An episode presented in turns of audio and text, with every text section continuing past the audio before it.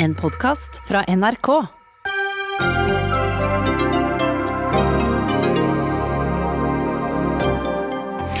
1515 milliarder kroner er fordelt, og det blir støy. Regjeringen øker forskjellene, sier Arbeiderpartiet. Regjeringen bruker for mye penger på bistand og flyktninger, sier Frp. Elbileierne er rasende for å få økt årlige utgifter med over 2000 kroner. Og folk i Finnmark er rasende igjen for å ikke få ilandføringsanlegg.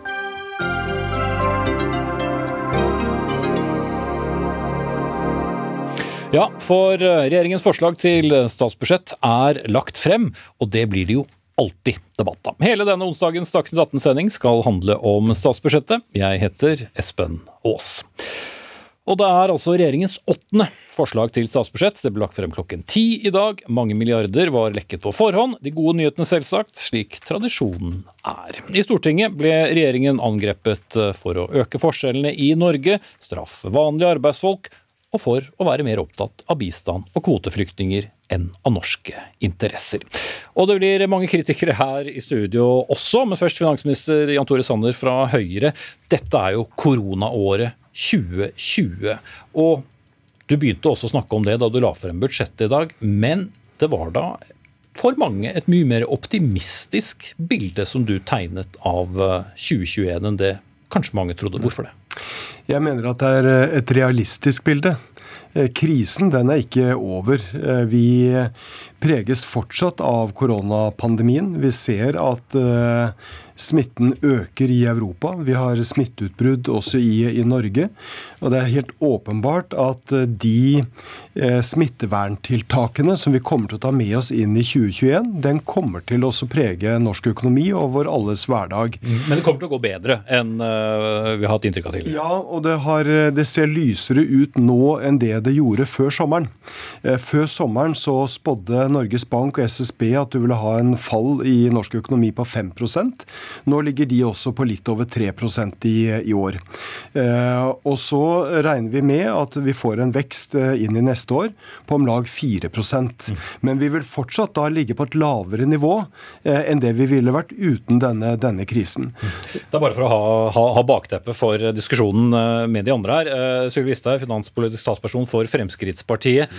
Noe av det første du sa i dag, var at her har Venstre og KrF fått altfor mye spillerom. Hva er det du først og fremst ville ha sett endret i dette forslaget før dere vil støtte det? For det første så er det jo en eh, avgiftsskjerpelse både for vanlige folk og bedrifter. Vi ser også at man øker egenandelen for syke mennesker i Norge. Det er altså nesten 300 millioner kroner mer folk skal betale for å være syk, og det syns vi er usosialt og helt feil.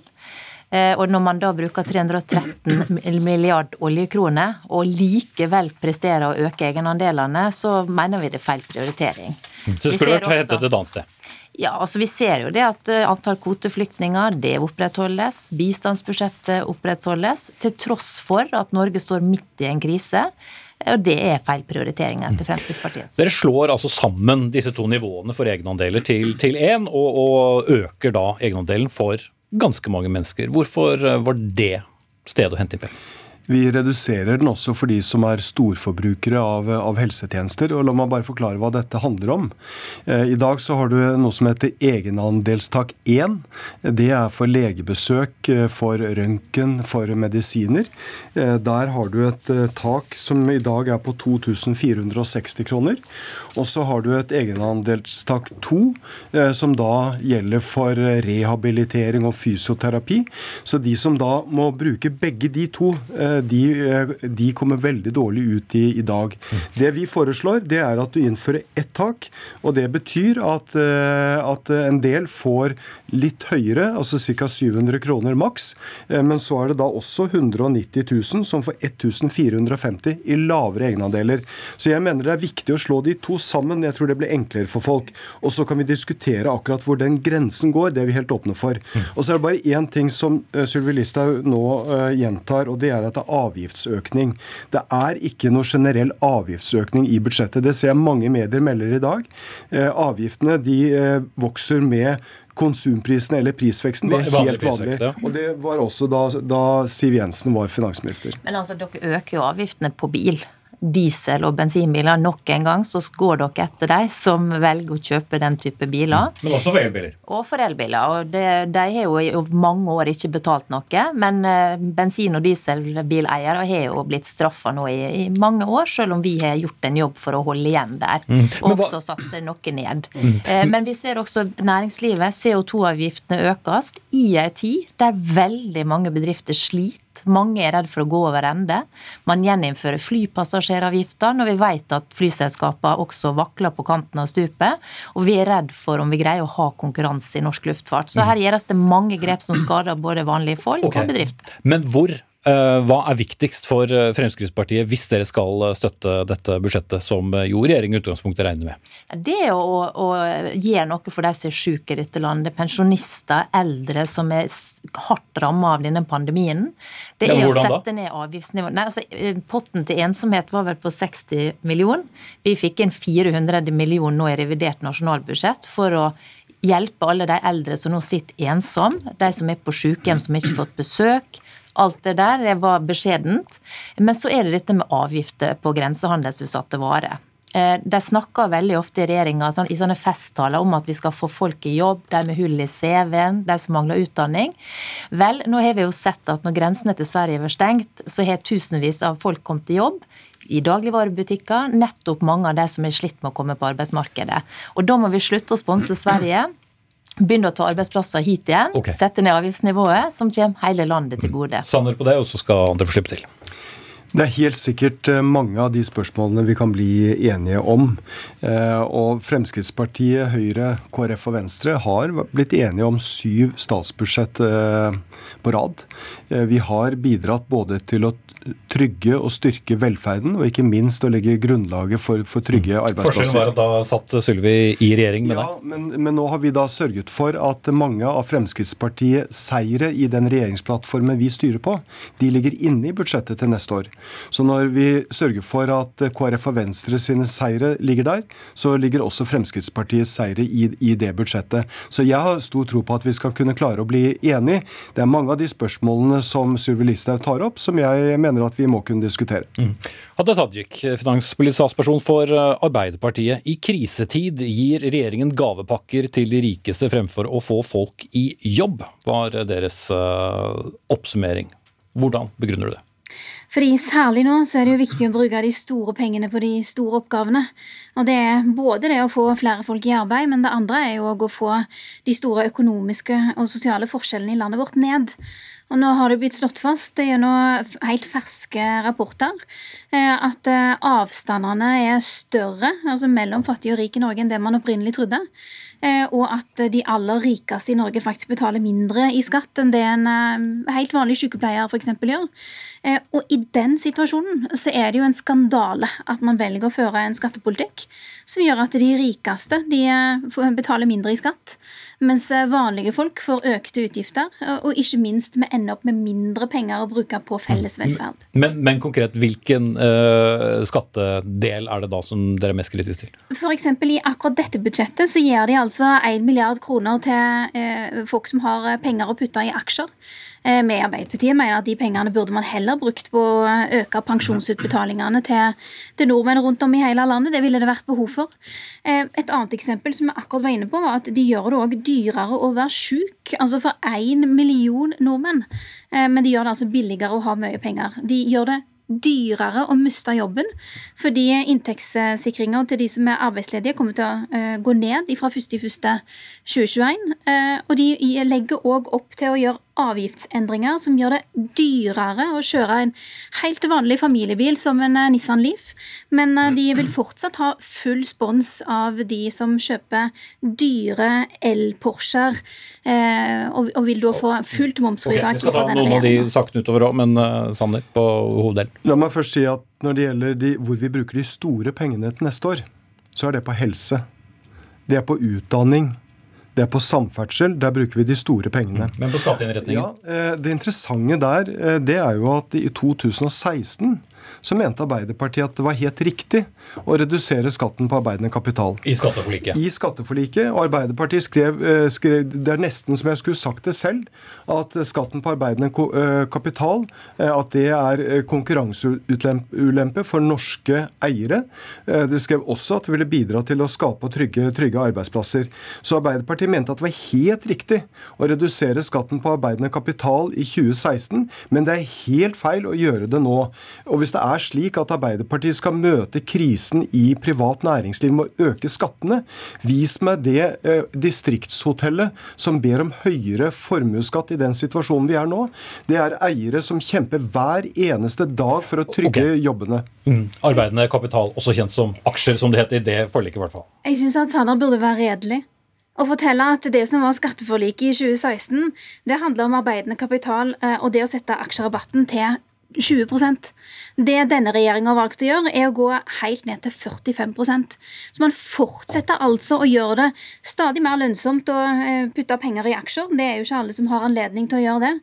Eh, altså, veldig mange pensjonister for eksempel, har de i banken eller i det huset som de tross alt bor i.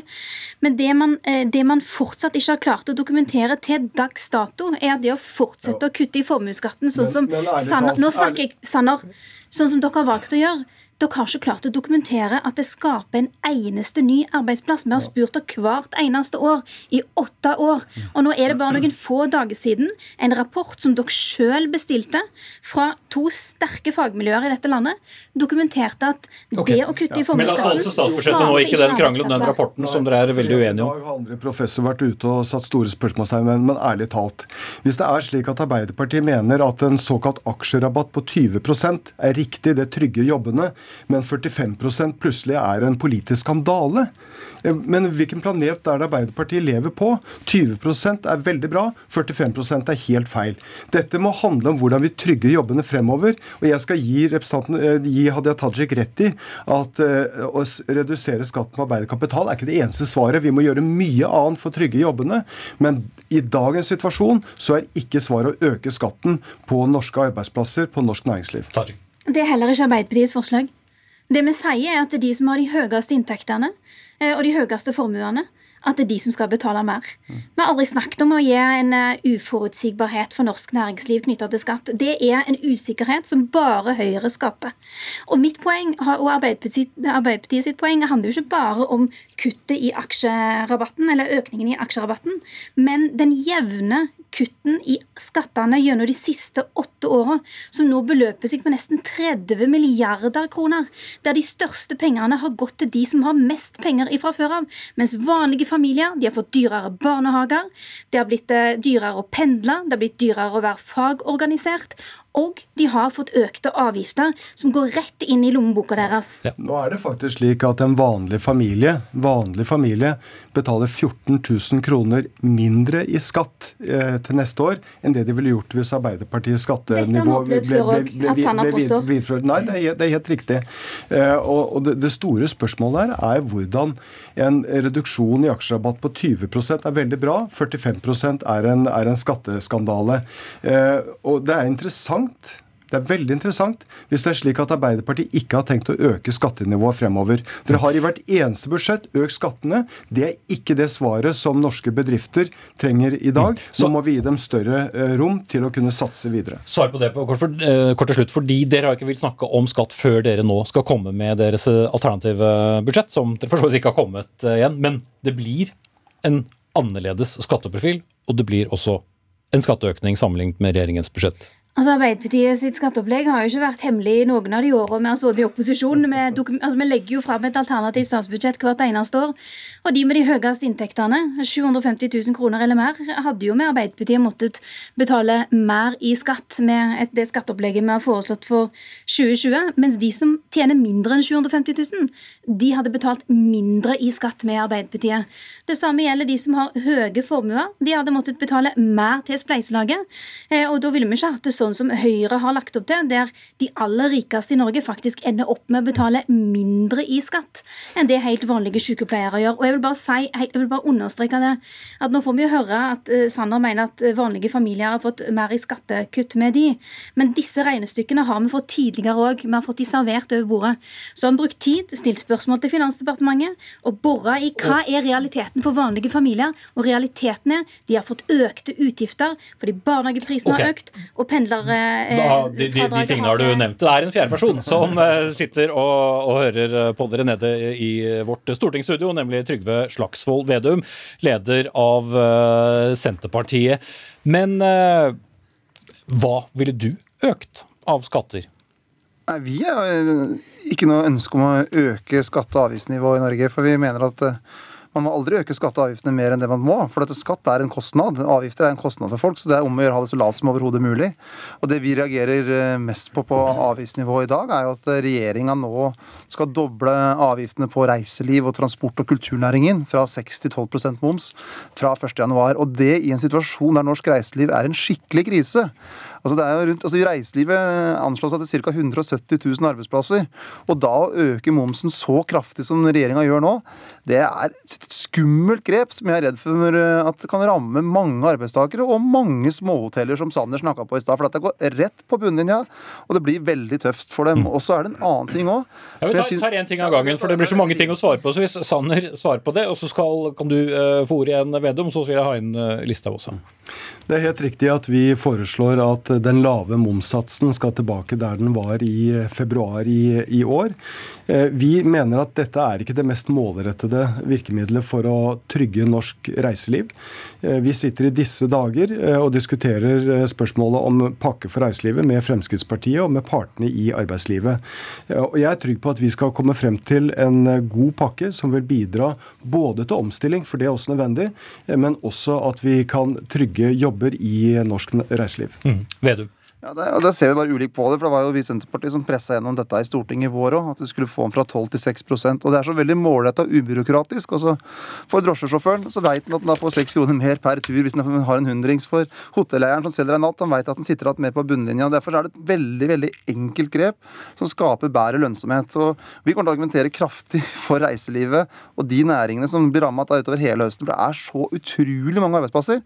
Fra liksom Finnmarkskysten til Vestlandet til Oslo. Det er arbeidsplasser over over hele Norge. Og så er det det med sjøfolka òg, som jeg syns er veldig rart. Altså Høyre har lenge vært mot å ha sånn nettolønnsordning for sjøfolk, men det at de strammer inn ordninga for norske sjøfolk midt i krisa, er veldig forunderlig. For det regjeringa nå gjør med å stramme inn ordninga, er at det blir mer lønnsomt for norske rederier å ansette filippinere, andre sjøfolk, istedenfor norske mannskap.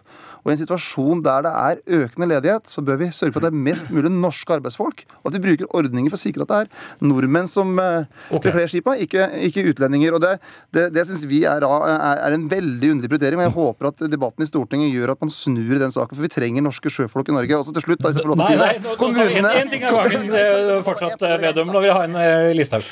Ja, og maritim næring er jo stemoderlig behandla her. Vi vet at mange verft sliter veldig tungt. Underleverandører. Her eh, kutter man i nettolønnsordninga, som da eh, kommer til å ramme norske sjøfolk.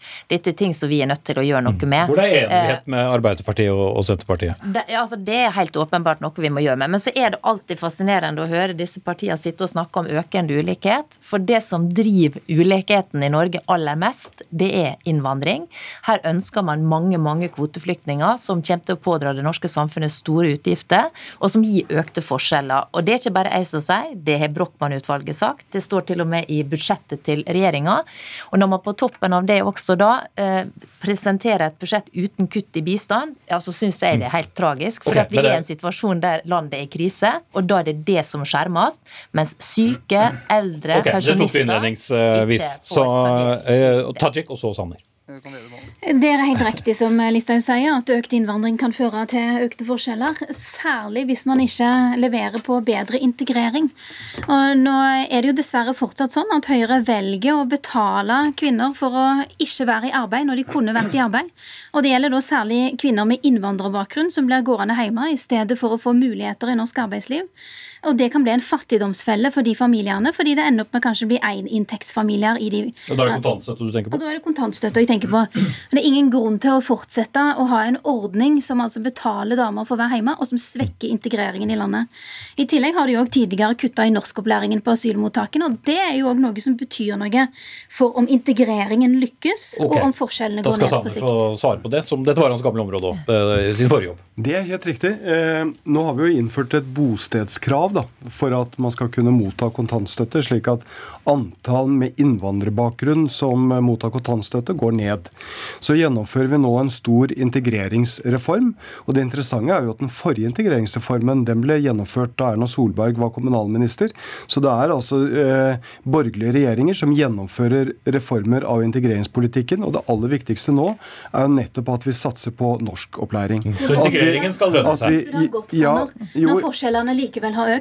Jo, men nå, snakker, nå svarer jeg på integrering. Og det er en del av Forskjells-Norge? ja, det, det, er helt, det er helt riktig. Hvor vi satser på norskopplæring, og vi satser på formell kompetanse. Men hvordan syns du det har gått?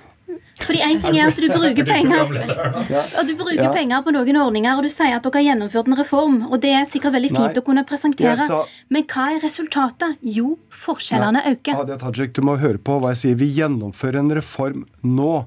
Det handler om bedre norskopplæring og mer formell kompetanse. Så dere på, dette feltet, på dette feltet ble det ikke noe gjort. Noe særlig mellom at Erna Solberg var kommunalminister og jeg var integreringsminister. nei, det ble litt for mye 2024. eh, historie. Jeg vil spørre om en siste ting, Jan Tore Sanner, og det er et lite beløp, 1,8 millioner, til eh, HRS, eller rights.no, som det var knyttet en del spenning til. Var det et beløp dere valgte å la stå for eh, å få med dere Fremskrittspartiet?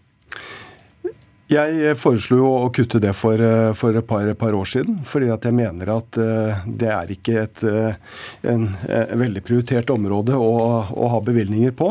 Men nå opprettholder Eh, dere. Jo, men hør hva jeg sier da. Eh, Så eh, inngikk vi et forlik i Stortinget. Og for Høyre og regjeringspartiene så er det viktig at vi holder det vi lover. Og da ble man enig, de fire eh, borgerlige partiene, at man skulle opprettholde støtten til HRS, og så økte man støtten til en rekke andre organisasjoner. Og nettopp fordi at vi gjorde en avtale om det høsten 2018, så står vi selvsagt ved det nå også. Men du holder deg litt for nesen? Det er ikke et område som jeg prioriterer, men har vi inngått en avtale, så holder vi det. Nå får jeg en streng beskjed om at vi må runde av, for det er flere saker vi skal ha med. Dette er forsmaken. Nå skal altså regjeringen forsøke å få til et flertall med Fremskrittspartiet. Vi skal gasse oss videre i detaljene her.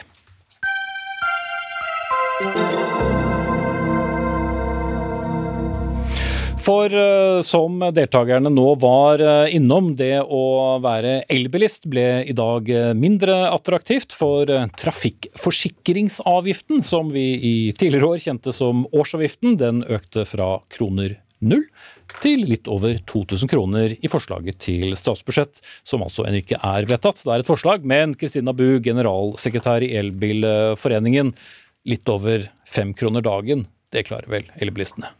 Nei, Det her var overraskende for oss. De klarer det nok, men eh, det er ikke helt poenget her. Poenget er jo at vi skal kutte utslipp fra transportsektoren så fort vi bare kan. Vi har en politikk som fungerer.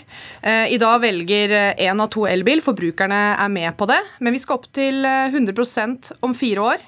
Eh, Og da er det ikke tid til å svekke Det er ikke nå tida for å svekke elbilfordelene.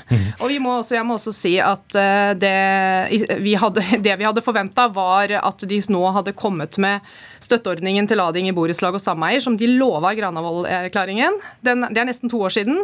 Den kom ikke. Eh, I stedet fikk vi da en skattesmell på 800 millioner kroner.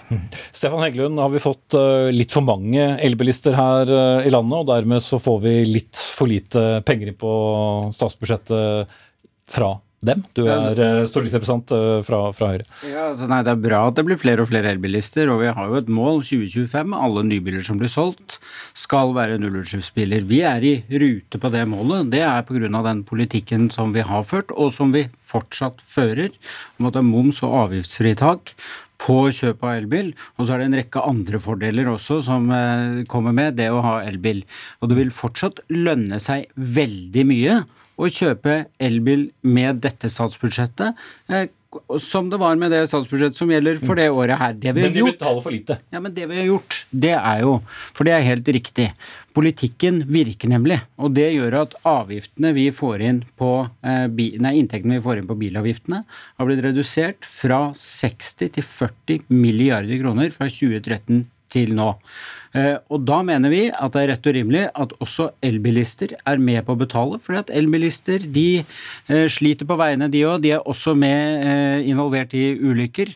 Og da må de også betale denne traf trafikkforsikringsavgiften. Så betaler de ikke det samme som en fossilbileier vil gjøre i denne avgiften. Nei, de betaler en lav sats, samme som motorsykkel. Vi kunne være med på at man De sier sjøl at de vil eh, gradvis fase den inn. Men det er ikke noe gradvis innfasning når de går rett til 70% av det bensin- og dieselbileierne betaler.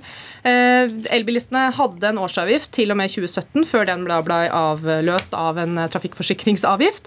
Og den var da på 455 kroner. Så et beløp på rundt 500 kroner kunne de kanskje startet med, og så bør man eh, Så det var for mye for fort. ja, det var veldig Og det er noe med at folk, forbrukerne, har gjort en vurdering av totaløkonomien. Over 2000 kroner plutselig over natta er en god del penger for en del, god del forbrukere.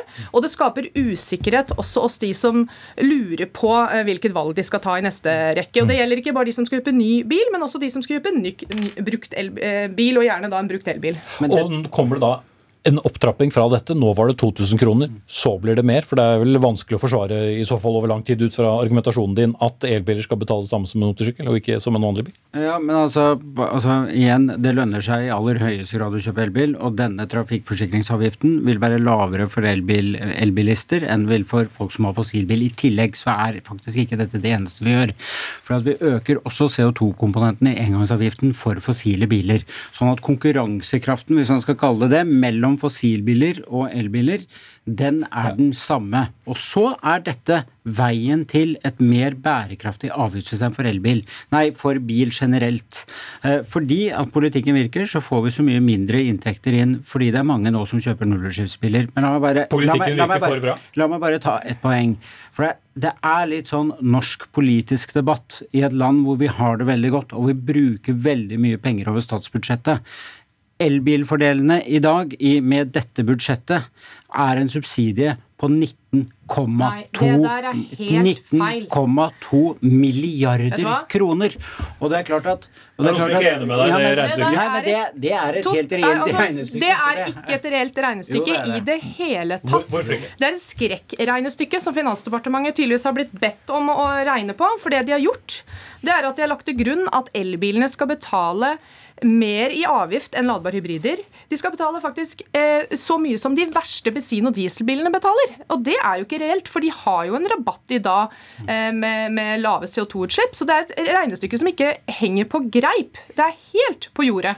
Så det der syns jeg faktisk er ganske lite realt av regjeringen. å lage, de, de prøver liksom nå å lage sånn skrekkscenario. For det som egentlig er poenget her, er at vi har en eh, politikk for å kutte CO2-utslipp, noe Norge har sagt at vi skal gjøre, og vi må gjøre det. Og det og her her har vi en politikk som fungerer.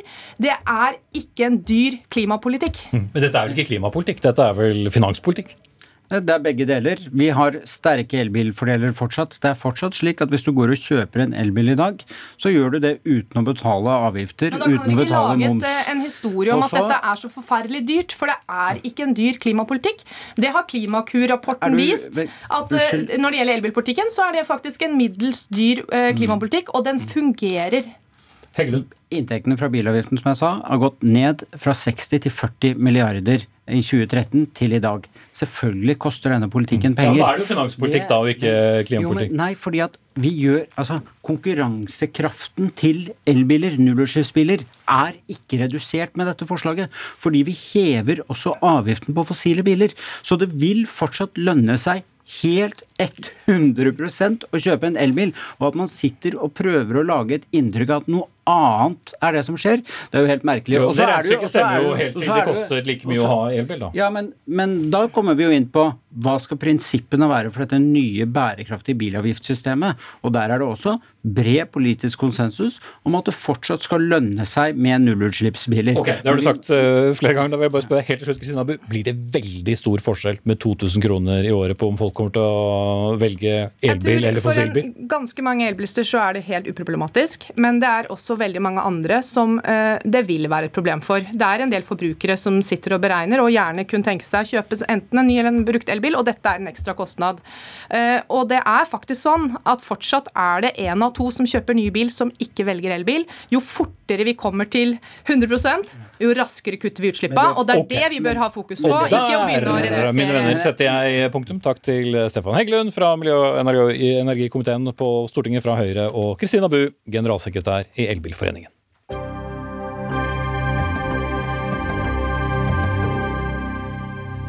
Det er altså 1515 milliarder kroner i utgifter på dette statsbudsjettet, og, eller forslaget da, til statsbudsjett, og noe av det første økonomer ser etter når eh, disse legges frem, er jo gjerne bruken av oljepenger. Er det over handlingsregelen? Er det under? Og uansett, hvor mye er det i kroner og øre. Og en av dem som ble positivt overrasket i dag, det var deg, Elisabeth Holvik, sjeføkonom i, Sparebank 1-gruppen. For eh, regjeringen brukte mindre enn du ventet. Og hva fortalte det deg om budsjettet som helhet? Nei, jeg hadde jo eh, venta at de skulle ikke greie å komme ned på handlingsregelen på et par år. Eh, og det samme hadde Norges Bank. Norges Bank hadde jo tippa 3,5% neste år. Og så legger de seg altså på 3 og for oss som er opptatt av generell konkurransekraft for våre eh, eksportbedrifter, så er det jo eh, å holde nede utgiftsveksten i økonomien. Da er hvor mye oljepenger vi kjører inn i budsjettene, det er med å drive opp det generelle utgiftskostnads- og lønnsveksten i Norge. Så det at de greier å komme ned på, lønns, nei, ned på handlingsregelen, og ligger der, det er veldig bra sett fra det synspunktet. Mm.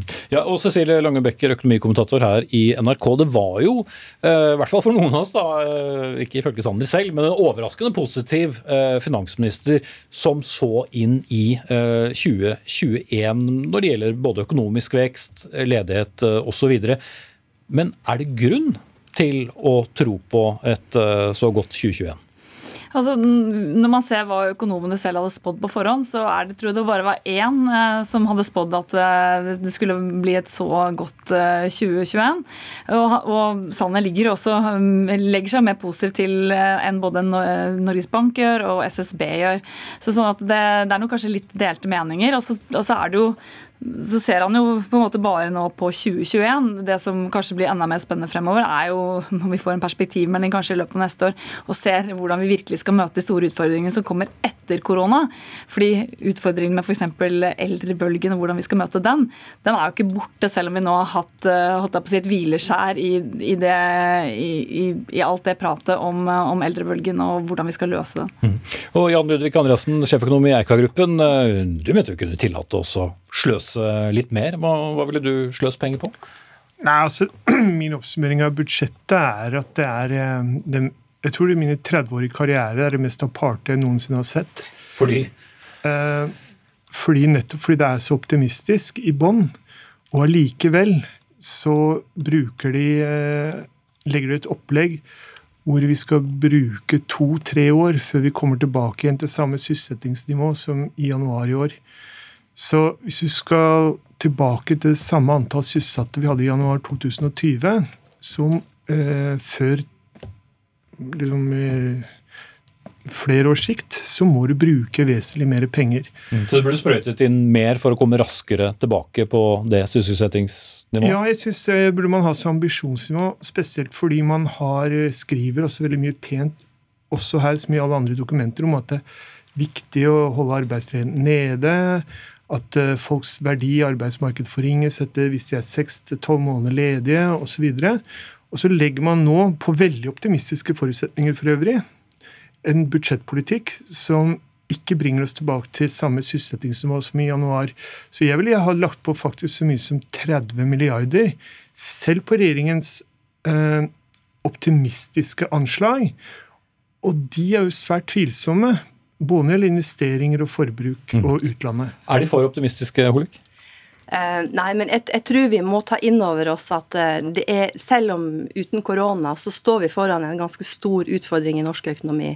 Eh, konkurransekraften for norsk økonomi har svekka seg gradvis år for år med at vi har hatt mye høyere lønns- og kostnadsvekst enn andre land vi konkurrerer med. Ser en på handelsbalansen uten olje, så er den ekstremt svak. Vi trenger flere jobber, og som du sier, sysselsettingsgraden har hatt en fallende trend. Så det vi trenger, er jo å styrke konkurransekraften og skape flere jobber. Eh, og hvis en bare bruker 30 milliarder mer, så vil jo det si at en må dekke inn det i fremtida. Og det vil si at da må en øke eh, skatten i framtida, eller gjøre noe med velferdsnivået i en enda større utfordrende periode. Og Mye av politikken nå har jo også handlet om uh, å holde en del næringer i gang, selv om det ikke er et uh, marked for dem. Og Cecilie Langebekker, er det nå vi får se hvilke næringer som det faktisk er næringsgrunnlag for? Ja, fordi i dette budsjettet så ligger det jo også litt mellom linjene en kanskje litt sånn ubehagelig sannhet. Eh, det er mange bedrifter som kommer til å gå konkurs. Det er eh, mange arbeidsplasser som er tapt for alltid. For, for selv om regjeringen nå ønsker å støtte opp om de mest utsatte næringene, så ønsker de jo ikke eh, å legge for mye til rette for bedrifter de allikevel tror kommer til å gå konkurs etter korona. Man vil ikke kaste gode penger etter dårlige. dårlige. Så dette her blir jo testen på om man er levedyktig etter korona. eller eller ikke. Og, og, og, slik må det nødvendigvis være dersom eh, man skal klare å omstille eh, økonomien. Mm. Eika. Nei, Andreassen fra Eika. ja, altså, jeg klarer ikke, hvis du ser på utlandet eh, Hvorfor skal det gå så mye bedre? Vi ser jo nå det er en annen bølge på vei i Europa. Eh, man snakker om å stenge ned liksom, ordentlig lockdown i Storbritannia og andre land. Eh, du ser på investeringer. Hvor skal det bli et kraftig omslag i investeringer? Og lønnstakere neste år får en usedvanlig sterk reallønnsnedgang. Pensjonister ifølge dette budsjettet her, kommer til å ha en nedgang i kjøpekraften på 2% Så jeg syns at budsjettet er veldig optimistisk, og, og selv da så klarer ikke å gjøre noe med arbeidsledigheten som monner. Så Derfor bør de bruke 30 milliarder. Men så vil jeg komme tilbake til den derre eh, hva jeg tror er faktisk blitt en sånn hellig ku. En regel som er moden for overhaling og kanskje kastes, og det er den handlingsregelen. På 3% Fordi når jeg jobba i oljefondet, slutten av 90-tallet, så var det på 180 milliarder. Når vi nå, siste krise, snakker om dette her, da var det på 2900 milliarder. Nå er det På over 10 000 milliarder. Og vet du hva? nå har vi brukt mer penger enn noensinne. Ja, fordi Når det er en prosent, så blir jo alltid kronebeløpet uh, høyere. Er det, er det, høyere i dag enn det var ved årsskiftet, eller er det lavere? Ja, Det husker ikke jeg. I løpet av dette året hvor vi har brukt rekordmye penger, så har vi satt av over 500 nye milliarder til fremtidige generasjoner. Så dette her er fullstendig galskap. Vi snakker om å ikke skal bruke 30 på å berge arbeidsmarkedet i år. Fordi at eh, vi ikke setter av nok til fremtidige generasjoner eller skyver på regninger eller sånn. Dette her er rent Dette her er ikke sant. Vi hadde eh, bare siste halvannet året har vi økt oljefondet med 1500 milliarder kroner til fremtidige generasjoner. Og med en prosentandel så, så blir da beløpet helt inn høyere. Men, men det paradokset er at eh, den store som sparer mengden i Norge, den blir da investert i utlandet. Så min bekymring er at vi har for lite investeringer i å skape arbeidsplasser i Norge, i privat sektor, i distriktene rundt om i Norge. At det er for fortsatt for lukrativt til å investere, slik som oljefondet gjør, i Netflix og Apple-aksjer i utlandet. Og fortsatt er det for lite attraktivt å starte bedrift i Norge. og Derfor syns jeg faktisk i budsjettet at det er gode takter, at en gjør noen små grep med uh, ulike uh, rabatter på aksjer og på uh, at en stimulerer til at flere kan bli medeiere i bedrifter. Det er små insentiv som er framtidsretta. For vi må men, Amen. Men poenget her kan du bruke ikke millioner, men titalls milliarder. Du kan fjerne uh, den der reiselivsmomsen. Det er fire milliarder. Mm. Du kan senke arbeidsgiveravgiften med ett prosentpoeng. Det er 20 milliarder. Dette her er ikke dette er ikke noe hokus pokus eller rocket science. Det er bare handlingsvilje, handlingskraft. Og dessverre så er den analysen som byråkratiet eller byråkratene i Finansdepartementet har laget, i bånn altfor optimistisk. Og det gjør det vanskelig å ta i bruk disse pengene. Mm. I hvert fall, Jeg må sette strek der. I hvert fall enighet med dere alle tre. At uh, i overkant uh, kanskje optimistisk da på hvordan neste år uh, blir. Og fasiten kommer jo alltid når det er for sent. Takk til Jan Udvik Andresen, sjeføkonom i Eika-gruppen, Elisabeth Holvik, sjeføkonom i Sparebank1-gruppen, og Cecilie Langen Becker, som er økonomikommentator i NRK.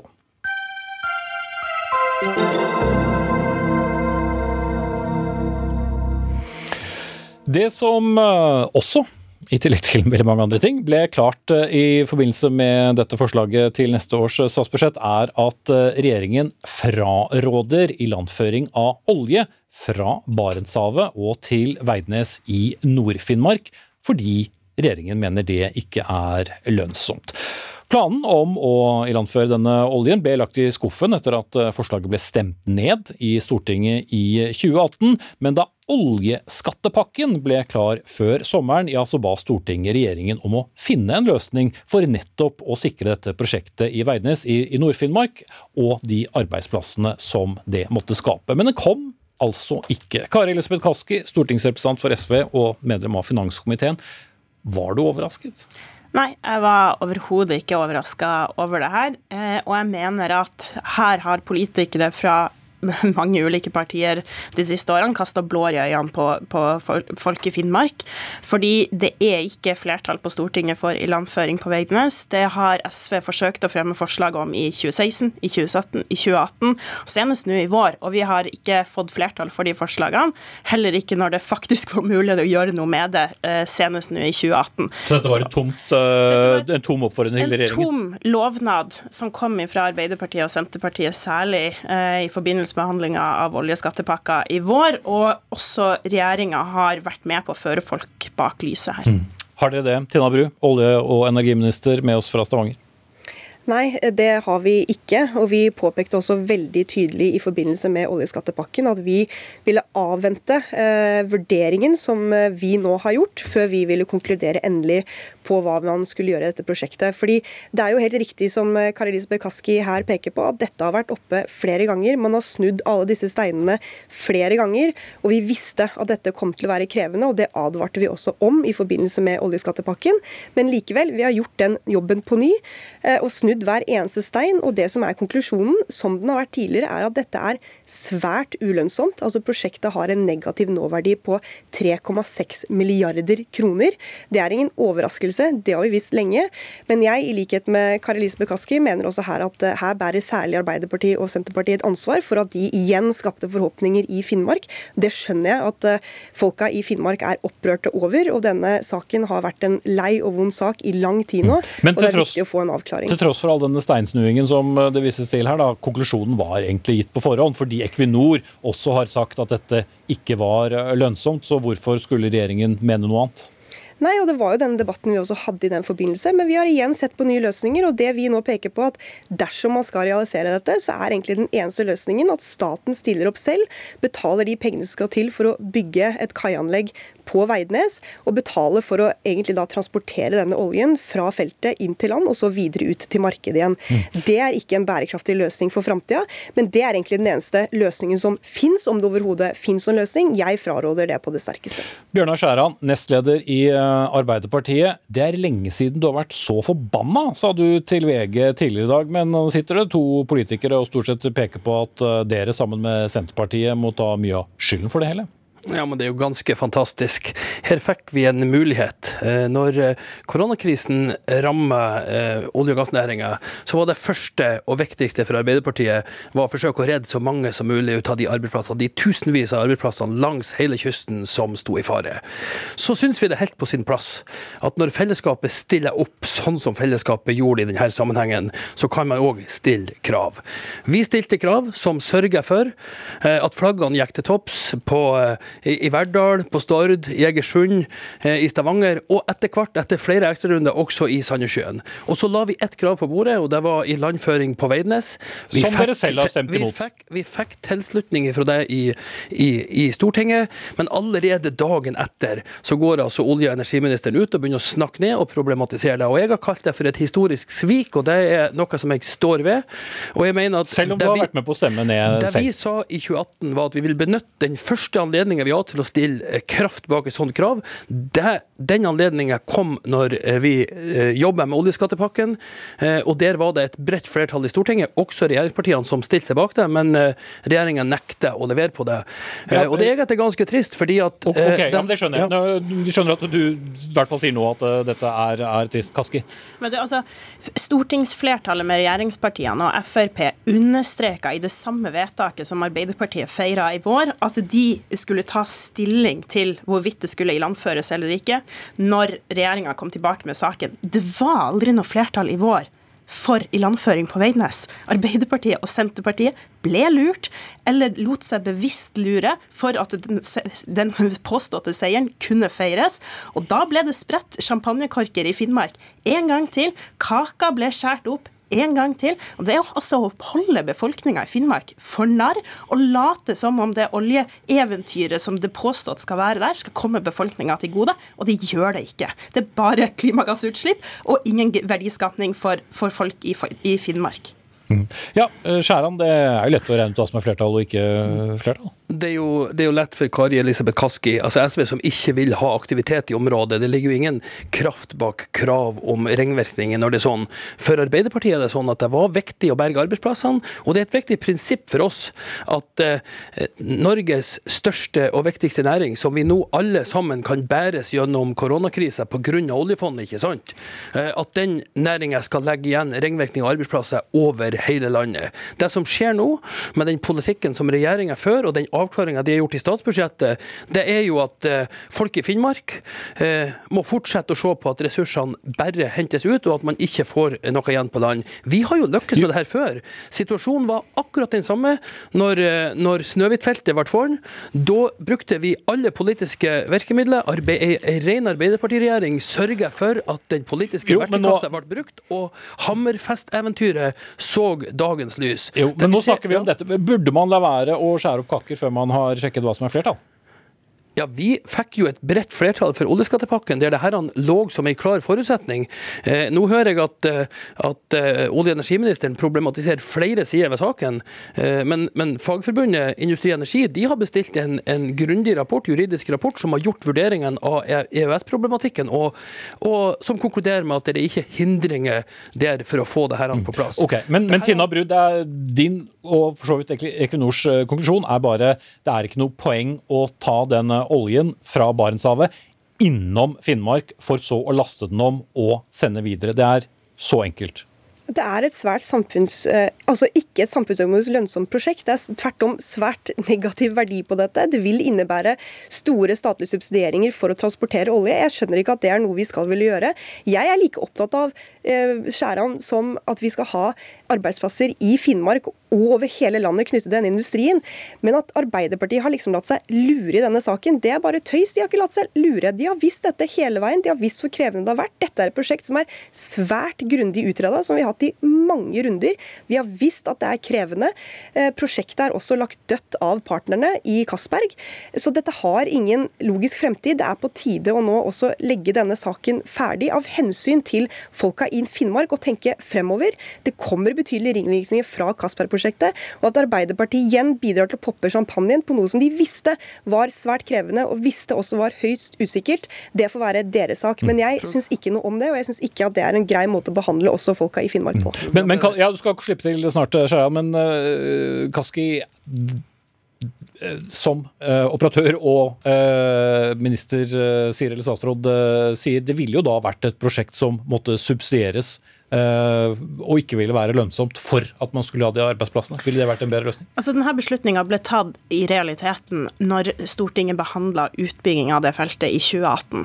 Da fremma SV et konkret forslag som handla om å stille krav til utbygger for å få lov til å bygge ut, at det skulle ilandføres. Det stemte Arbeiderpartiet imot. Det stemte også Senterpartiet imot, og det stemte regjeringspartiene imot. Det var da man kunne ha påvirka utbyggingsløsninger som kunne ha bidratt til å få på plass den ilandføringa. Og ja, det er helt riktig at oljefeltene i Barentshavet er marginal. Det er helt riktig at man sliter med å få lønnsomhet der, men, men da må man rett og slett stille seg spørsmålet er det riktig da å drive og hente ut de her naturressursene med alle de negative konsekvensene det har, når man ikke får noe verdiskapning igjen lokalt. Jeg mener det ikke er riktig, men SV har i alle fall prøvd i denne saken. Mm. Men Skjæran, eh, dere beskyldes jo her for å seile under eh, falskt flagg. Men mener du da også at dette burde være subsidierte, ikke lønnsomme arbeidsplasser som eh, skulle eh, settes i verk i verdens for å laste om en olje som man strengt tatt kanskje ikke trenger å laste om?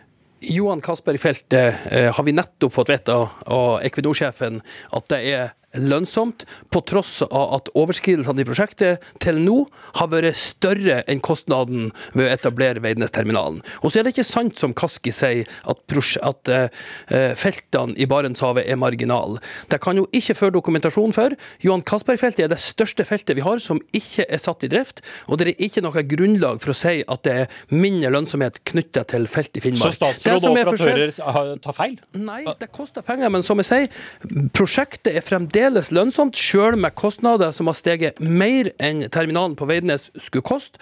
Og det er jo ikke sånn at eh, Arbeiderpartiet har lurt befolkninga i Finnmark, eller at, eller at det viktigste her er at regjeringspartiene har lurt Arbeiderpartiet. Det som skjer her, er jo at regjeringspartiene har lurt hele Finnmark. For eneste, det eneste som egentlig har skjedd siden lovnadene ble gitt i 2013, det er at vi har hatt Høyre-ledet regjering hele veien, og de legger ikke to pinner i kors for at de store ressursene som finnes i Barentshavet, skal gi ringvirkninger på land i Finnmark. Ja, veldig kort til slutt, Tina Bru. Hvor kommer ringvirkningen i Finnmark? Det kommer betydelige ringvirkninger fra Castberg-utbyggingen. Men at Arbeiderpartiet synes det er bekvemt å skylde på oss i denne saken fordi at de feiret for tidlig når de visste at dette måtte utredes og at det var svært vanskelig, det får stå for Arbeiderpartiet sin regning.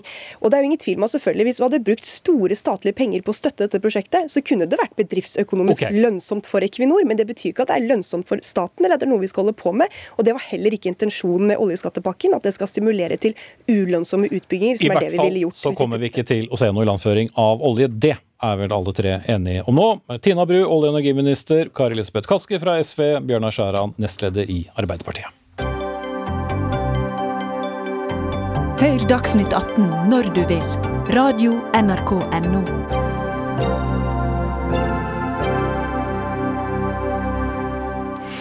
Og i de siste åtte-ni minuttene er det på tide å sette minst én fot i bakken og la politiske kommentatorer ta plass. Regjeringen lever altså på FrPs nåde, og hvor nådig er den? KrF og Venstre, som aldri ville skli på kjellerlemmen med Frp i utgangspunktet, må de nå ofre hjertesaker for at budsjettet skal få flertall. Siste post i vårt statsbudsjett, kommentatorene. Lars Nehru Sand, politisk kommentator her i NRK. Hva slags budsjett var det egentlig regjeringen la frem i dag, for det var mange forventninger. Ja, det var et budsjett hvor jo alle tre partiene har fått plass til uh, sine hjertesaker innenfor en uh, fortelling om at vi har kommet oss godt igjennom koronasituasjonen dette året her, og ganske, med ganske gode prognoser for neste år også, takket være en sterk offentlig sektor som aldri har vært sterkere enn den er disse to årene her, eh, og et stort oljefond som man aldri bruker mer penger av eh, inn i eh, som andel av statsbudsjettet enn man gjør i nettopp disse to årene her. Mm. En høyreregjering med den største offentlige sektoren noen gang, og aldri større bruk av oljepenger. Og sånn har det jo vært. Det har vært historien om Erna Solbergs regjeringstid, at hun hele tiden har hatt eh, en sterk offentlig sektor og, og masse penger å ta av, ikke minst for å krydre et, eh, et eh, mindretallsprosjekt, jo de fleste årene, da, som har vært dyrt i drift. Mm. Mari Skurdal, sjefredaktør i, i Klassekampen. Arbeiderpartiet og SV har vært veldig opptatt av å poengtere ulikhetsbudsjettet for 2021. Er det nå dette vi kommer til å se venstresiden eh, angripe denne regjeringen for, for kanskje åttende gang nå? Ja, altså Så lenge de fortsetter å kutte i, i, skattene til de rike, så er det jo kanskje ikke så rart at uh, de påpeker det igjen og igjen. Så går det kanskje litt på repeat, men det er jo fordi det samme grepet tas. altså Når de kutta i formuesskatten nå i dette budsjettet, var det jo andre gang bare i år. Eh, så selv om 1,3 eh, milliarder cirka var det nå som ble gitt i en gavepakke, så, eh, så blir det totalt mange millioner som, som, har blitt gitt til landets rikeste. Mm. Kjetil B. Asheim, politisk redaktør i Aftenposten. Da Listhaug gikk på talerstolen i Stortinget i dag, så sa hun dette er en god påminnelse om hvorfor vi gikk ut av regjeringen. Men blir de enig? Jeg tror det. Jeg tror de blir enige. Men blir det dyrt for uh, Det tror jeg også. men, men hva, hva, skal regjeringen gi? Eh, jeg tror de blir nødt til å gi noe på, på, grensehandel. Jeg tror de blir nødt til å gi noe på pensjoner. Jeg tror de blir nødt til å eh, reversere litt på dette med egenandel på helse. Eh, det er ikke så dyrt, så det, det går nok greit. Og så, så, blir det jo det jeg tror blir ordentlig vanskelig, er kvoteflyktninger og bistand. Fordi der, der handler det ikke bare om at Frp vil ha en seier for seg, de vil også påføre noen andre et nederlag, og da blir alt mye verre. Mm. Men uh, Skula, så du noen sak som regjeringen presenterte i dag som ville være en typisk sak de går tilbake på for å blidgjøre Fremskrittspartiet? For de vet jo hva de skal inn i.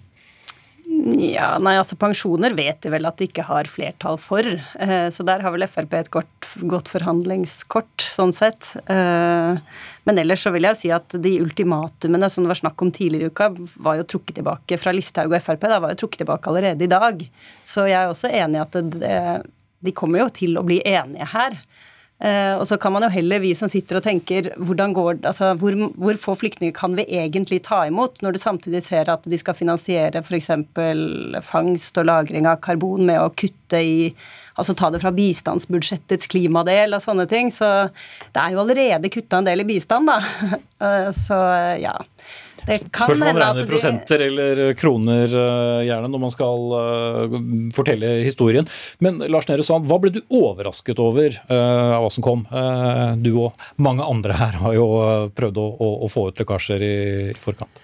Den, det frikorthistorien, eller dette egen, egenandelstaket, ja, det, det, er vel det som, som var sånn sett minst omsnakket i, i forkant, også på, i diverse ganger og korridorer i, i ukene som har vært. Men uh, bortsett fra det, så er det et uh, budsjett noenlunde i tråd med, med forventningene. Uh, igjen i makrobildet da litt mer positive anslag, som Finansdepartementet sier handler om at de har mer oppdaterte tall enn mange andre prognosemakere. Mm.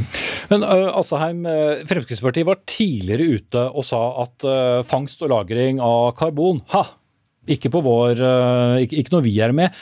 Jeg hørte ikke Lysthaug nevne det en eneste gang i dag. Nei, og den, Det ligger jo en stortingsmelding om dette Langskip-prosjektet, som det heter, eh, som skal behandles. Og så ligger det eh, en bevilgning i statsbudsjettet. Og det, det som kan skje her, er at du, vi får en behandling i Stortinget av, av meldingen der det blir et flertall for selve prosjektet, uten Frp, muligens.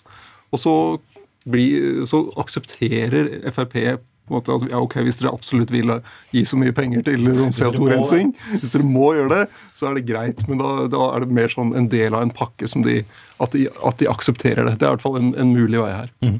Eh, Skula, nå skal jo da Arbeiderpartiet lage sitt alternative budsjett. og Da er det jo en viss spenning til hva slags profil de legger seg på. Vil de øke skattene, hvordan skal de snu den sosiale profilen?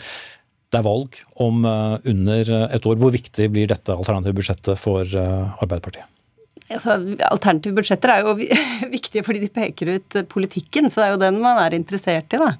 Men eh, jeg håper i hvert fall de griper den muligheten de har snakka om lenge, som er at det skal være noe, og som regjeringen nå ikke har grepet, som er at det kan være noen kraftige statlige forsøk på å sette i gang f.eks. noen nye grønne industriprosjekter og sånt. da de budsjettet som foreligger nå, så er det jo på en måte Det er delt ut litt penger, men det er ikke noe sånn Den derre statlige vinden som uh, feier over Europa nå, den har ikke truffet Erna Solberg. Mm. Ja, uh, Lars Nehru Sand, nå skal alternativbudsjettene komme, og så skal regjeringen og Fremskrittspartiet forsøke å bli enige seg imellom. Hvor mye klokere blir velgerne på hva slags politikk vi får eller ikke får neste år?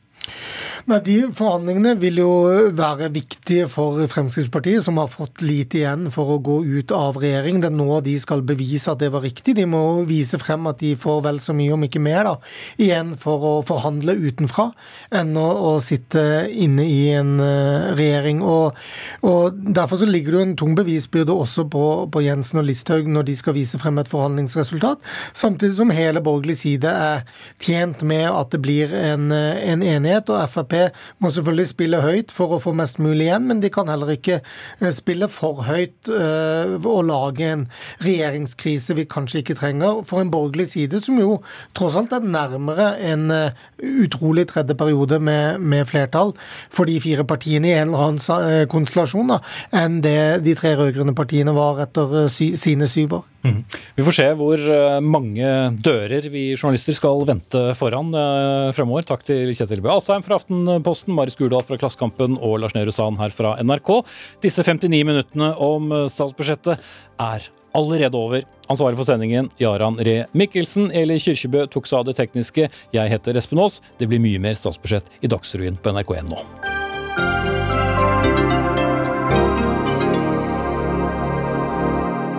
Du har hørt en podkast fra NRK. Hør flere podkaster og din NRK-kanal i appen NRK Radio.